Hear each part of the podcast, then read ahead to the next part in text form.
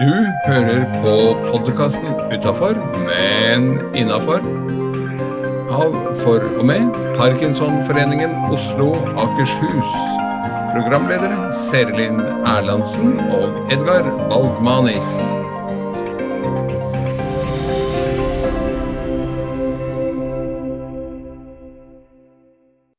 Hei, jeg heter Seri Lind, og ved min side så har jeg godeste Edgar, Hei, Edgar. hei. Hvordan går det? Det går bra. Nå er det jo vår i luften, og som de sier på engelsk, the spring has sprung. Så det er det som gjør at du har en bra dag? Ja, blant Ja. annet. Hva andre ting, da? Er, det, er du eh, fornøyd eh, med en viss ny munter kjenningsmelodi? Ja, det har vi ikke sagt noe om. Den har vi liksom bare lagt på. Eh, vi feiret jo ettårsbursdag for et par eh, uker siden. Og da laget vi en ny kjenningsmelodi, og den syns jeg eh, er fin. Ja, det er Geir Bratland som har vært med og hjulpet oss. Ja, Som spiller i Dimmu Borger og er utrolig gode på musikk ja. og komponi. Så tusen takk til Geir eh, for den. Han har laget både hovedvignetten og de små innstikkene vi har mellom eh, innslagene våre. Så da håper jeg bare at dere eh, klarer å venne dere til der ute den nye kjenningsmelodien vår. Og kom gjerne med innspill på hva dere syns. Gjør det, gjør det. Hva er dagens kjøreplan, da? Edgar? Dagens kjøreplan er at vi har eh, et lite tips om hvordan du får en bra start på dagen. Eh, som vel denne gangen går over, litt sømløst over i Parkinson-tipset. Som er hvordan du lever best mulig med din parkinson. Og så har vi ukens gjest, som er Hanne Skartveit, politisk redaktør i VG. Og dessuten pårørende til Gerhard Helskog, som jo er i ferd med å gi seg i TV 2. Eh, Og det er pårørenderollen vi skal fokusere på i dag. Mm. Og etter Hanne Skartveit så har vi eh, kunngjøringer, i hvert fall litt. Og eh, vi har fremsnakkingen, som er et viktig poeng. Og så har vi kransekakevitsen, og til slutt en quiz for å trimme hjernen. Ja. Det er vel et ganske bra program.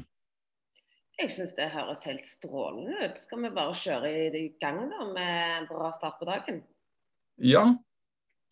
Eh, Det er en vi har hatt noen ganger før, eller varianter av den. Det er jo grenser for hvor mye rart vi kan be folk om å gjøre når det tross alt er kronisk syke eh, mennesker vi snakker om her. Men eh, nettopp derfor, eh, snarest mulig, se deg selv i speilet og skjær eh, grimaser. Parkinsonister har en tendens, mange da, har en tendens til å få det vi kaller maskefjes, altså at ansiktsmimikken stivner i én maske. Eh, Så Derfor er det viktig å live opp. Tunga ut, tunga inn, blunke, vrenge. eh, Skjære grimaser på alle mulige måter. Og så kan du legge på lyd. Da kalles øvelsen for tone spesial. Når du sier Og det er også viktig å få stemmen i gang få lydene i gang. Så eh, Og der har vel du et lite tillegg, har du ikke det? Jo, altså dette her er jo kjempebra å starte dagen med, og en må faktisk ikke gå i speilet. Dette er sånn for deg som er stiv om morgenen. Du kan ligge i sengen og gjøre det òg. Klart at eh, en kan ha med et speil. Et, det er bare et lommespeil eller som en ligger i nattbordskuffen, så en kan eh, ligge og se seg sjøl og gjøre grimaser om det om en har større effekt av det. Men det som det går på, er jo det du sier, dette med maskepreger. Det, det at vi skjærer grimaser, gjør jo at vi både at ansiktet våkner, litt sånn som kroppen trenger å våkne, og òg det med at du øker blodsirkulasjonen til ansiktet, som gjør at det er lettere å prate med at ansiktet er med. Ikke bare sånn som en kan si at responsen på en vits kan være bare med latter, men ansiktet er ikke med. Ingenting hever seg, ingenting, du får ikke smilerynkene, for det er for stivt. Men det samme gjelder når du forteller en historie. Så er det noe med at den kan rynke på øyenbrynene og være litt sånn eh, statement i budskapet. Så går øyenbrynene ned, og så kommer øyenbrynene opp hvis en er overraska når en prater eller glad. Så det er noe med å jobbe med ansiktet. Trutmunn, smilemunn, trutmunn, smilemunn. Rynk på nesen, gap opp. Press øyenbrynene opp i pannen og ned igjen mot nesen. Sånn at vi presser opp og ned. På den måten så jobber vi med ansiktet. En kan òg bruke elektrisk tannbørste eh, til å stryke som værhorn på en katt. Kjøp en egen tupp som du bruker til ansiktet for å stimulere. Og Du kan bare gjøre sirkler eller trykke rundt omkring, og da vil blodsirkulasjonen øke. Så det finnes programmer, og du kan sikkert finne de på YouTube. Eller oppsøk logoped hvis du er mer nysgjerrig på dette. Eh, så kan du få lett guidance i hvordan du gjør det, hvis du syns det er rart å gjøre det alene første gang. Ja. Men i utgangspunktet er det som du sier, dette er noe du faktisk kan gjøre idet du våkner. Og tenker at nå hadde det vært på tide å stå opp, men jeg ligger her noen minutter til. Så behøver du jo, som du sier, slett ikke noe stort speil på badet. Ja, i hvert fall for de som har som vane å stå, altså ligge litt i sengen og kanskje høre på radio. Eller lese aviser Eller høre på en podkast. Eller høre på en podkast med oss, f.eks. utenfor, men innafor. Så er det noe med at da kan en gjøre småting samtidig. Ja. Det er f.eks. å gjøre grimaser. Nemlig. Så det var eh, bra start på dagen, og eh, veldig sømløst over i Parkinson-tips om hvordan du lever best mulig når eh, når det nå er den lumske sykdommen du har fått. Yes. Skal vi gå videre til ukens gjest, Hanne Skartveit i, i VG? Ja, det syns jeg vi skal. Da kobler vi på henne.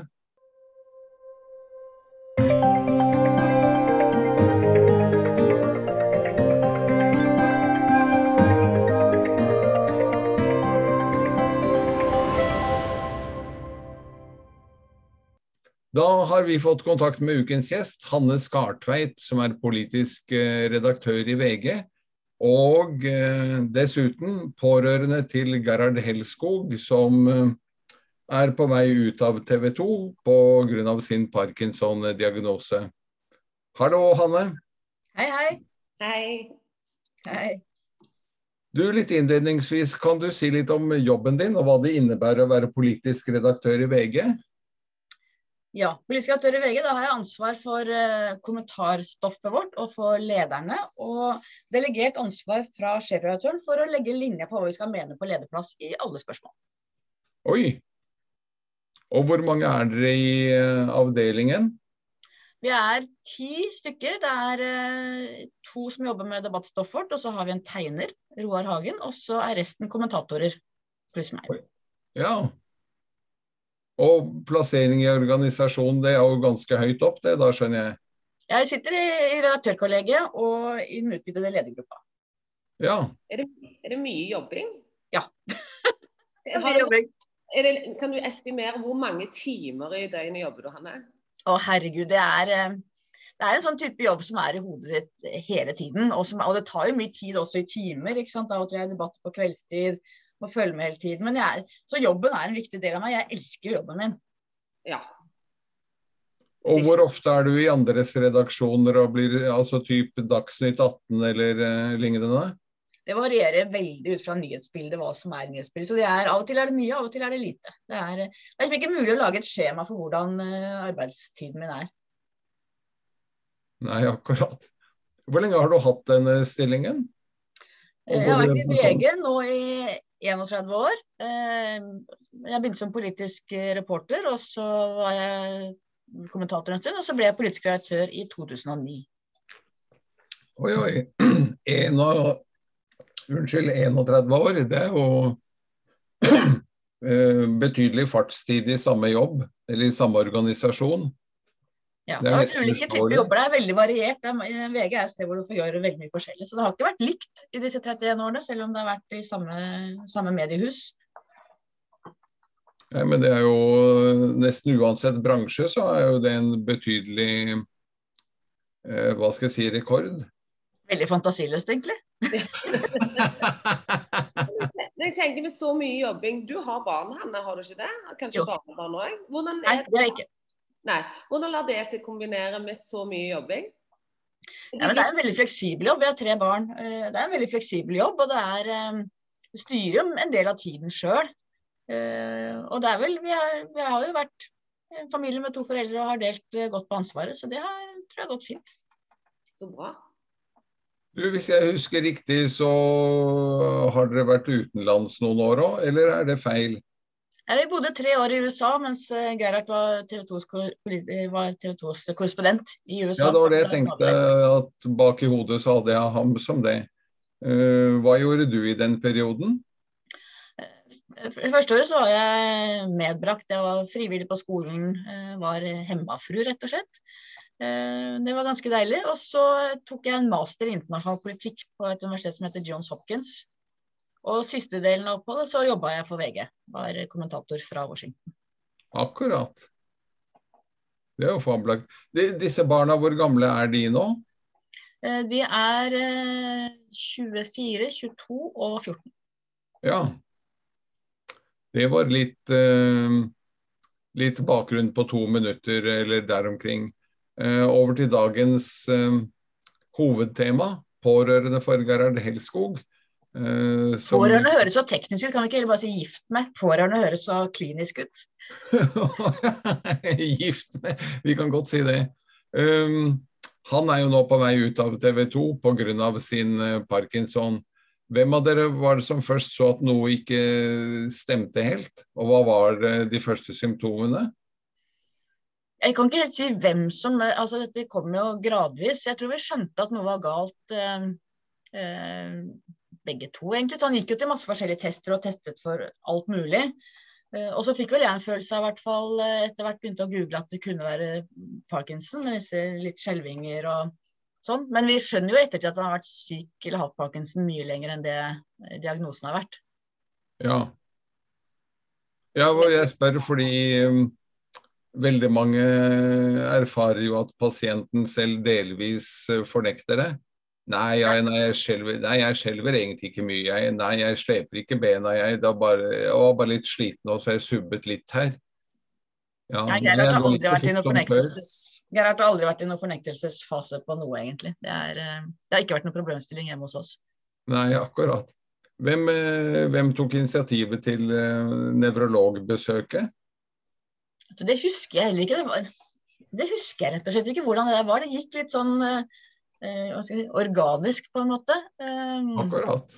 og kom helt naturlig. Sånn at eh, eh, Jeg husker veldig godt da han fikk diagnosen, men jeg husker ikke hvem av som tok initiativ til å gå til nevrolog.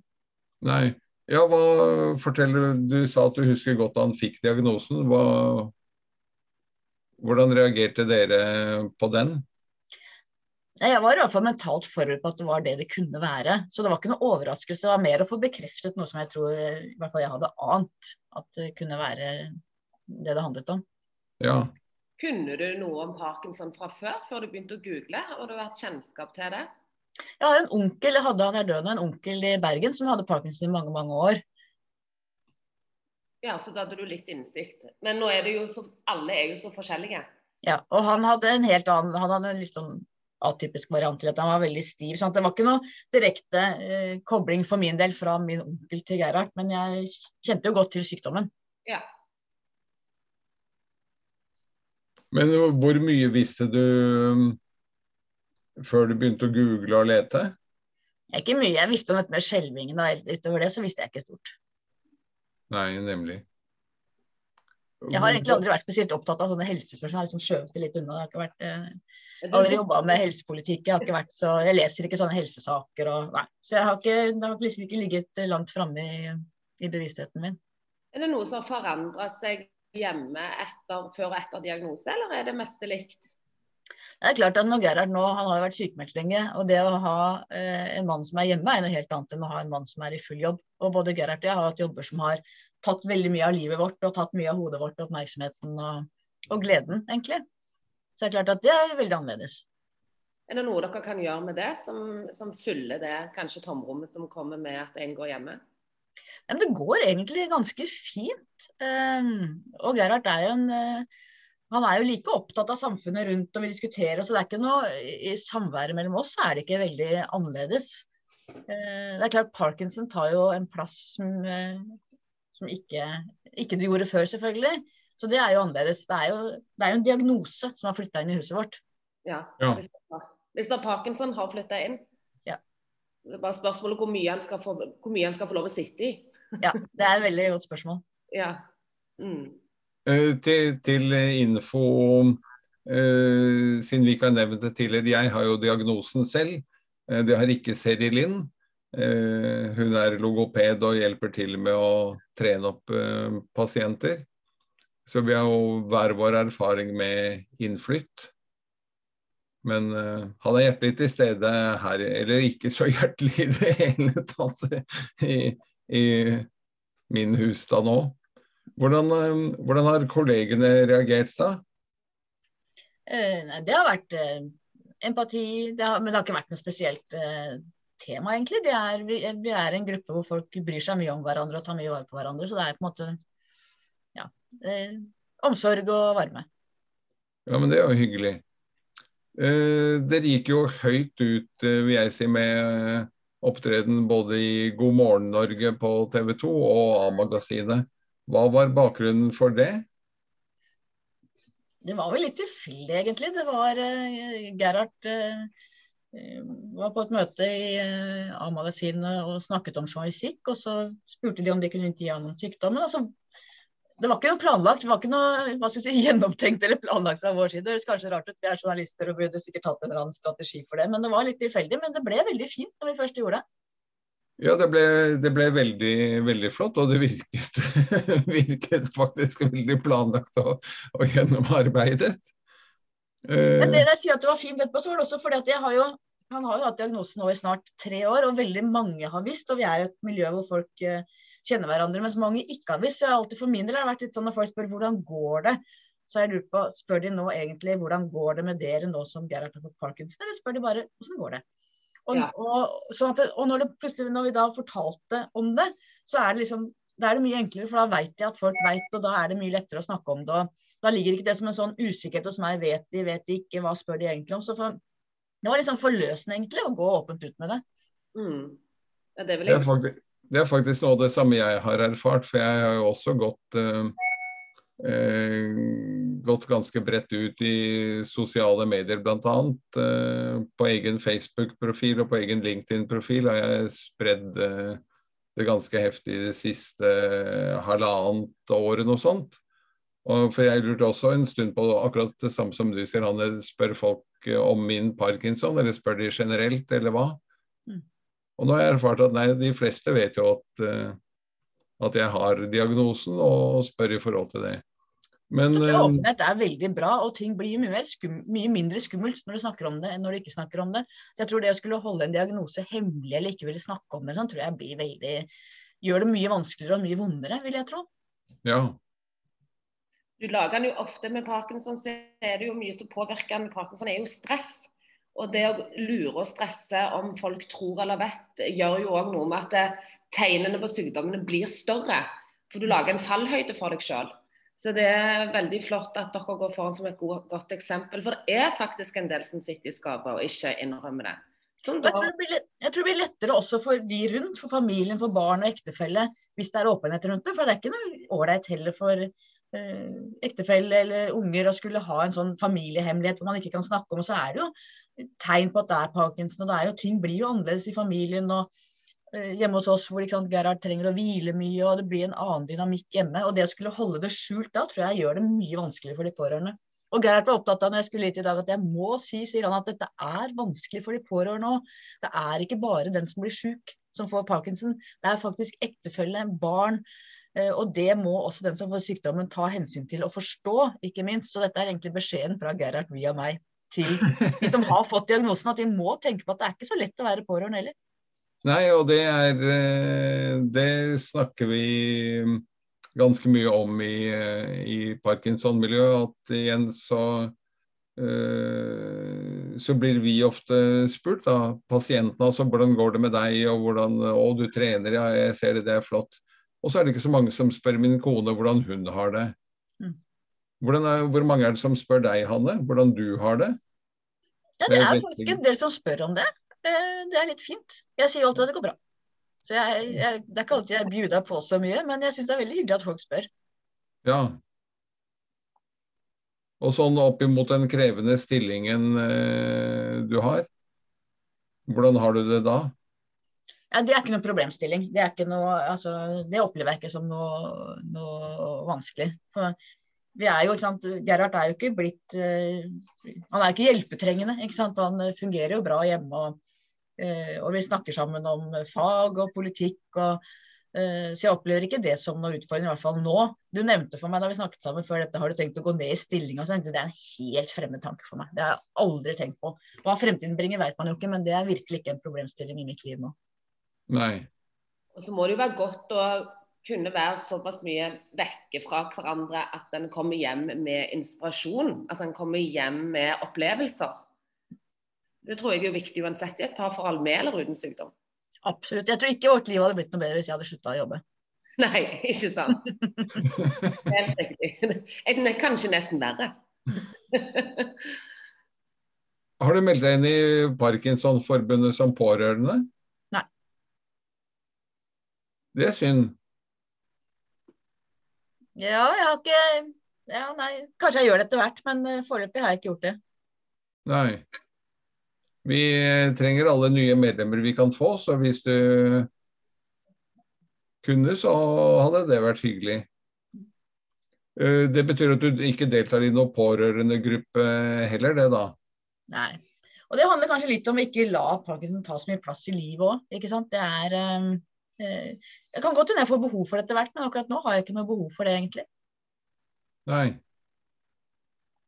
For det er jo eh, noe som Det ble faktisk veldig godt mottatt eh, rundt om. Jeg tror at alle syv lokalforeningene i Oslo og Akershus nå har pårørendegrupper. Større og mindre. Mm. Og jeg tror det er veldig nyttig, men jeg tror det er litt med hvilken fase man er i sykdommen nå. For at, eh, Nei, jeg tror jeg ville opplevd det som, eh, som at, at, veldig, at, Parkinson fikk en veldig veldig mye større plass. Jeg syns Parkinson tar en stor nok plass i livet mitt nå som det gjør, på en måte. Ja. Sånn at, eh, og kanskje etter hvert vil jeg ha et mye større behov for det, men akkurat nå så har jeg egentlig ikke det. altså. Nei. Fair enough. Um, hvordan takler familien for øvrig da? Barna, hvordan takler de dette? Nei, Det må de få svare på sjøl, men det er klart at det er jo en um, en annen situasjon. Jeg har tenkt mye på et begrep som en venninne har lansert som ventesorg. At det er jo når man får en sånn diagnose, så går i hvert fall vi voksne inn i en sånn slags litt sånn eh, ventesorgfase. For du vet at nå er det kanskje ikke så ille, men det kan bli veldig, veldig mye vanskeligere. Eh, så det er jo noe med både å, å forholde seg til at eh, til situasjonen nå, men også på en måte forberede seg mentalt på at det kan bli veldig veldig mye vanskeligere, samtidig som du ikke må la det overvelde deg. Eh, så at det begrepet ventesorg syns jeg er et ganske fint ord, egentlig, som i hvert fall jeg reflekterer mye rundt. Ja, det syns jeg var et fint ord, for jeg hadde jo det spørsmålet også på, på notatene mine her. At én uh, ting er at man har en kronisk sykdom, altså en sykdom man ikke blir kvitt, men uh, i vårt tilfelle så er den jo kronisk degenererende, er uttrykket. Dvs. Si at det går utforbakke i noen tilfeller raskere, i noen tilfeller eh, saktere. Men eh, det går ikke oppover, eh, liksom. Mm. Da syns jeg Da behøver jeg for ikke stille hvilke tanker du har, for da har du allerede sagt at Og jeg syns begrepet ventesorg var, var godt. Ja, det er jo som du sier, pila går jo én vei, og så er spørsmålet hvor fort det går. Og det ja. å, å, både klare å på en måte ta det inn og forberede seg mentalt på det som kanskje kommer, og samtidig ikke la det eh, formørke for mye. Det er en balansegang som jeg tror mange, både de som har fått diagnosen og vi som står rundt, eh, baler litt med. Ja. Ja, for en eier jo bare dagen i dag. sånn at det er jo noe med å da forberede seg på kanskje ting som aldri kommer til å skje. Mm. Det, men som du sier, vær forberedt allikevel. Mm. Det er vanskelig balansegang. Det er jo den gylne middelveien vi leter etter hele livet her, i mange felt.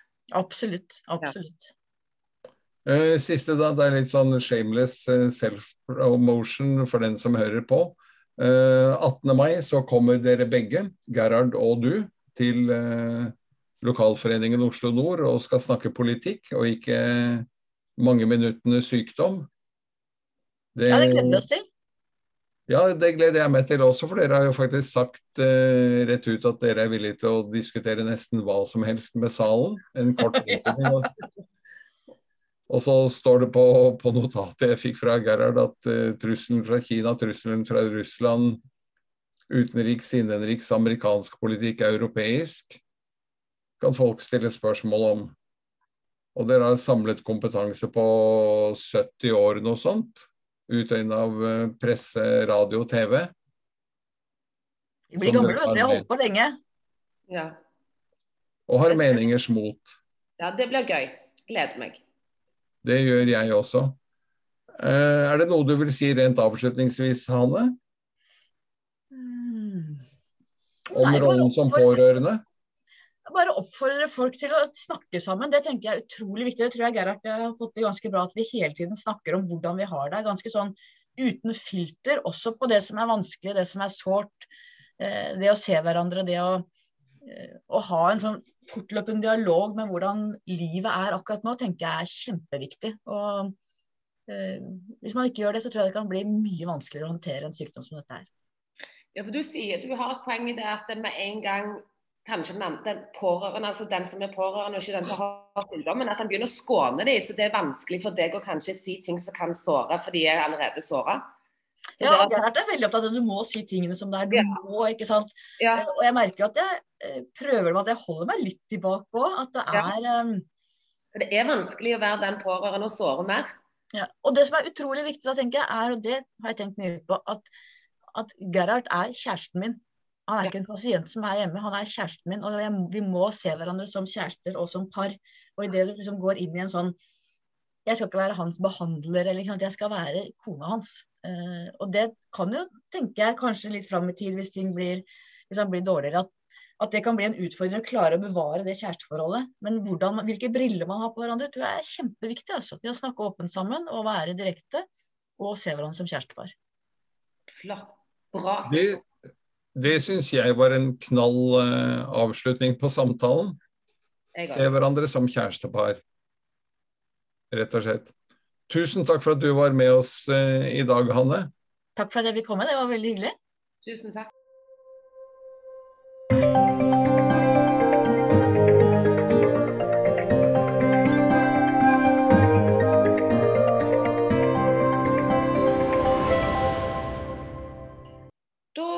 Kommet fram til kunngjøringer. Eh, er det noe som rører seg ute i lokallagene for tiden, Edgar? Ja, det, det er det. Um, nå er jeg selv uh, i Oslo nord, hvor vi har tre veldig interessante møter i ukene som kommer.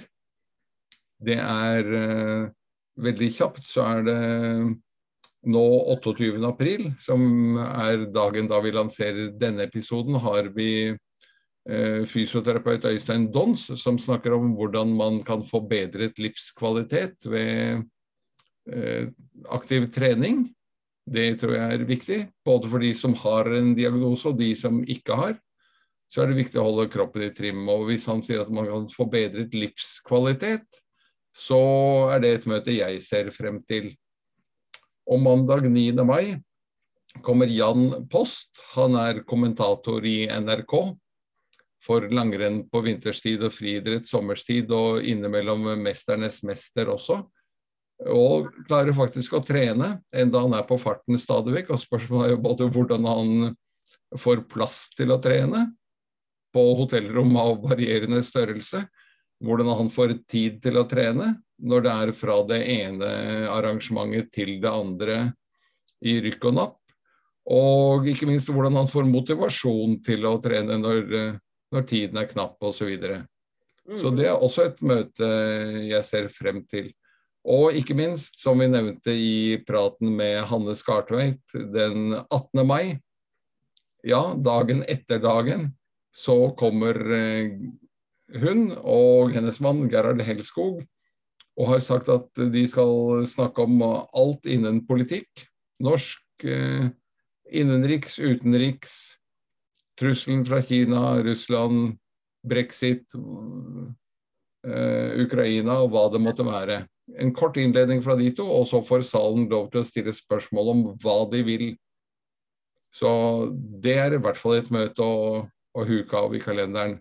Og når, Også, var det, når var det disse datoene var? Nå gikk det litt fort, jeg fikk det ikke med meg engang. 28. april, Øystein Dons, fysioterapeut. 9. mai, Jan Post, om å trene både her og der. Ja. Og 18. mai Gerhard Helskog og uh, Hanne Skartveit om politikk. Ikke et ord om sykdom eller forskning eller piller eller uh, noe annet der. Kun politikk. De har til sammen 70 års erfaring fra radio, TV og presse. Og hvor er dette? Hvor foregår det? De Eh, de to ytterste, holdt jeg på å si, Øystein Dons og eh, Gerhard og Hanne, foregår på Grefsen menighetssenter i Oslo.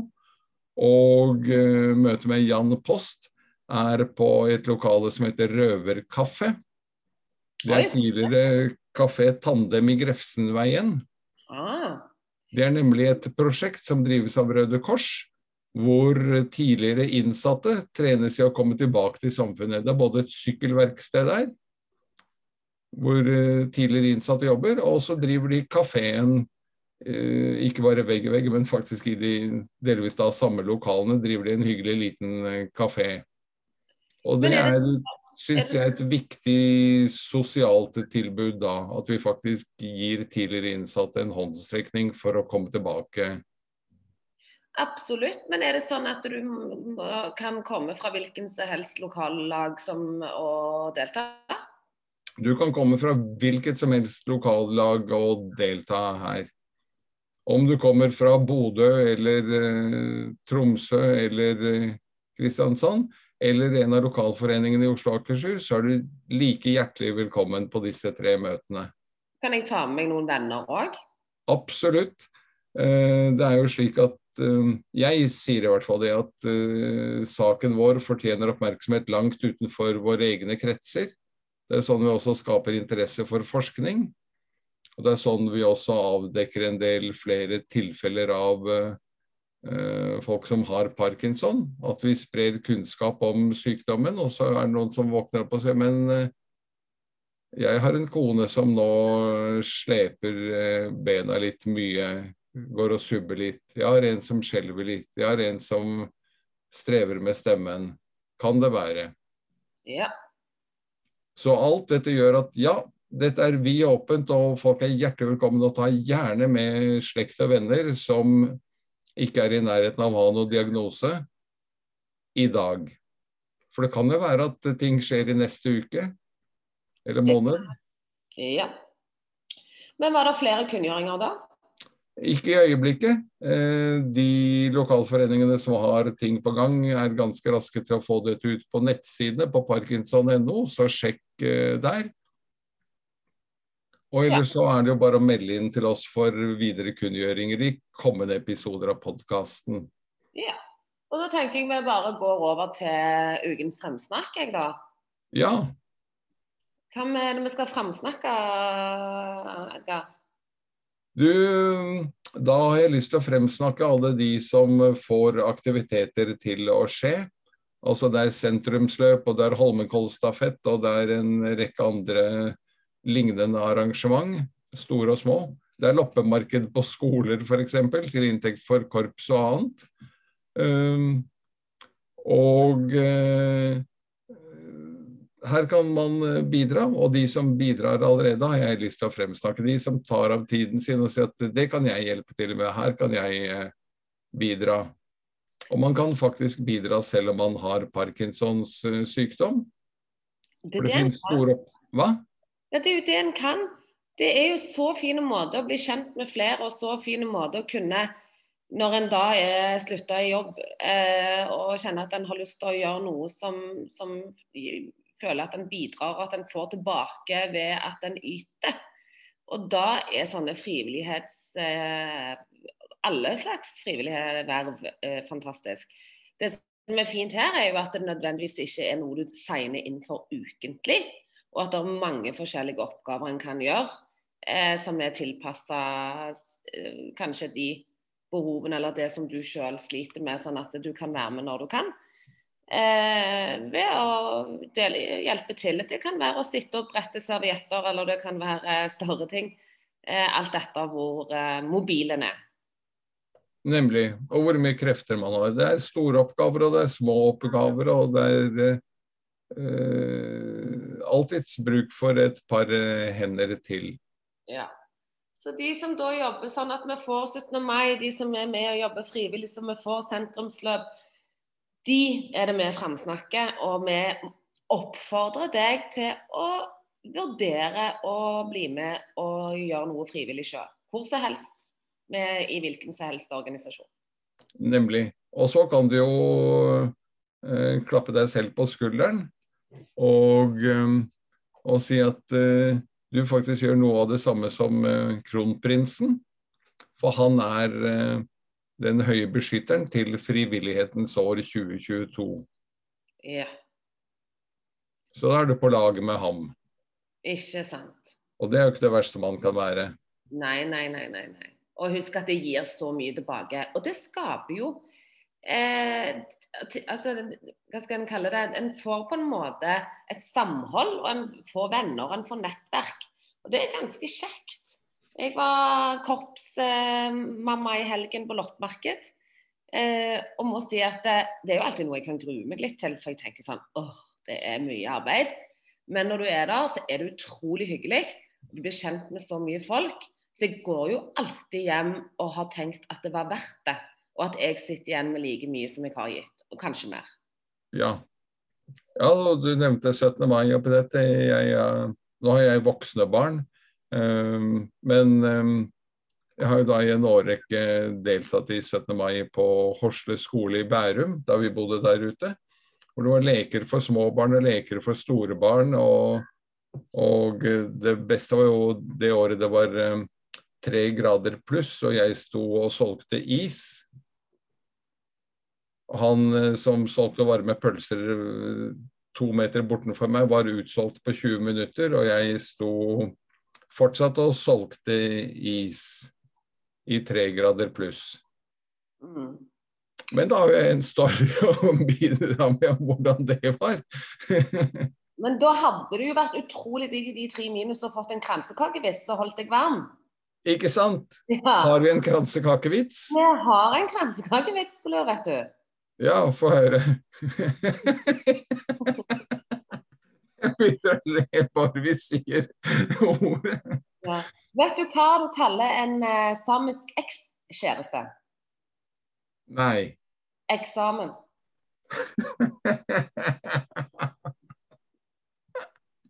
det er så dårlig. Men det, som er fint med dem, det er ofte sånn at folk husker dem. Ja. De er dårlige. Sånn at eh, da, da, kan andre viderefortelle disse vitsene våre, og så får de alltid noen til å le, for de er så tørre at folk ler. Ja. Men er du klar for en liten quiz da, Edgar? Det er siste... Da er vel det innspurten på denne ukens episode? Ja, det er siste. Hvor, hva er temaet i dag? Eh, det er Stjernekamp. Oi. Ja. I hvilke tiår reiste Tor Heyerdahl med Kon-Tiki? Det var i 1950 noe. 1940-tallet. Ja. Da nærme. Da var det 1950-tallet han vant en Oscar, da? Ja. Sikkert. Nå sa jeg bare ja uten å vite ja. Hva slags husdyr er steiger og skjeviot? Hva slags type utstyr er? Husdyr er steiger og skjeviot. Og det er eh, kyr. Kuer. Sau, hest eller geit? Eh, sau. Ja. Til hvilket fiktivt univers hører det Mandalorian? Blade Runner, Star Trek eller Star Wars? Mandalorian. Hører til hvilket univers? Ja, Og så var det tre valg, var det det, eller var det bare to? det var tre valg. Blade Runner, Star Trek eller Star Wars? Blade Runner. Det er den en av de største, vil jeg si, og det er Star Wars. Ja. Hvilken naturgassprodusent er Russlands største selskap? Og du kan få alternativ. Ja. Rosneft, Lukoli eller Gazprom? Det tror jeg er Rosneft. Det var Gazprom. Ja. Er du klar for siste? Ja. Hvilken artist er Calvin Cordosar Badorus jr. kjent under? Snoop Dogg, Dr. Dre eller Puff Daddy? Snoop Dogg, Dr. Dre eller Puff Daddy. eh, Da er jeg like blank eh, der. Snoop Dogg gjetter jeg på da. Ja! Oi, jeg fikk ett poeng til slutt, da. Ja, men du kan få en bonusrunde, for den klarer du. Hvilken by ligger Skjevik flyplass utenfor? Eh, er ikke det Kristiansand, da? Ja! Bra! Endelig! Winning! Ja. Så bra. Men da er, vi, da er det bare gjenstår det for oss å si uh, tudelu. Tudelu, og på gjenhør i neste uke. Og hvis du savner oss fælt i mellomtiden, så er det jo bare å gå inn eh, hvor du fant denne podkasten, og bla deg tilbake i tidligere utgaver av uh, Utafor, men innafor. Supert. Ha det bra. Ha det godt. Det var alt fra oss i Utafor, men innafor. Ha en fortsatt fin dag, og på hjertelig gjenhør ved en senere anledning.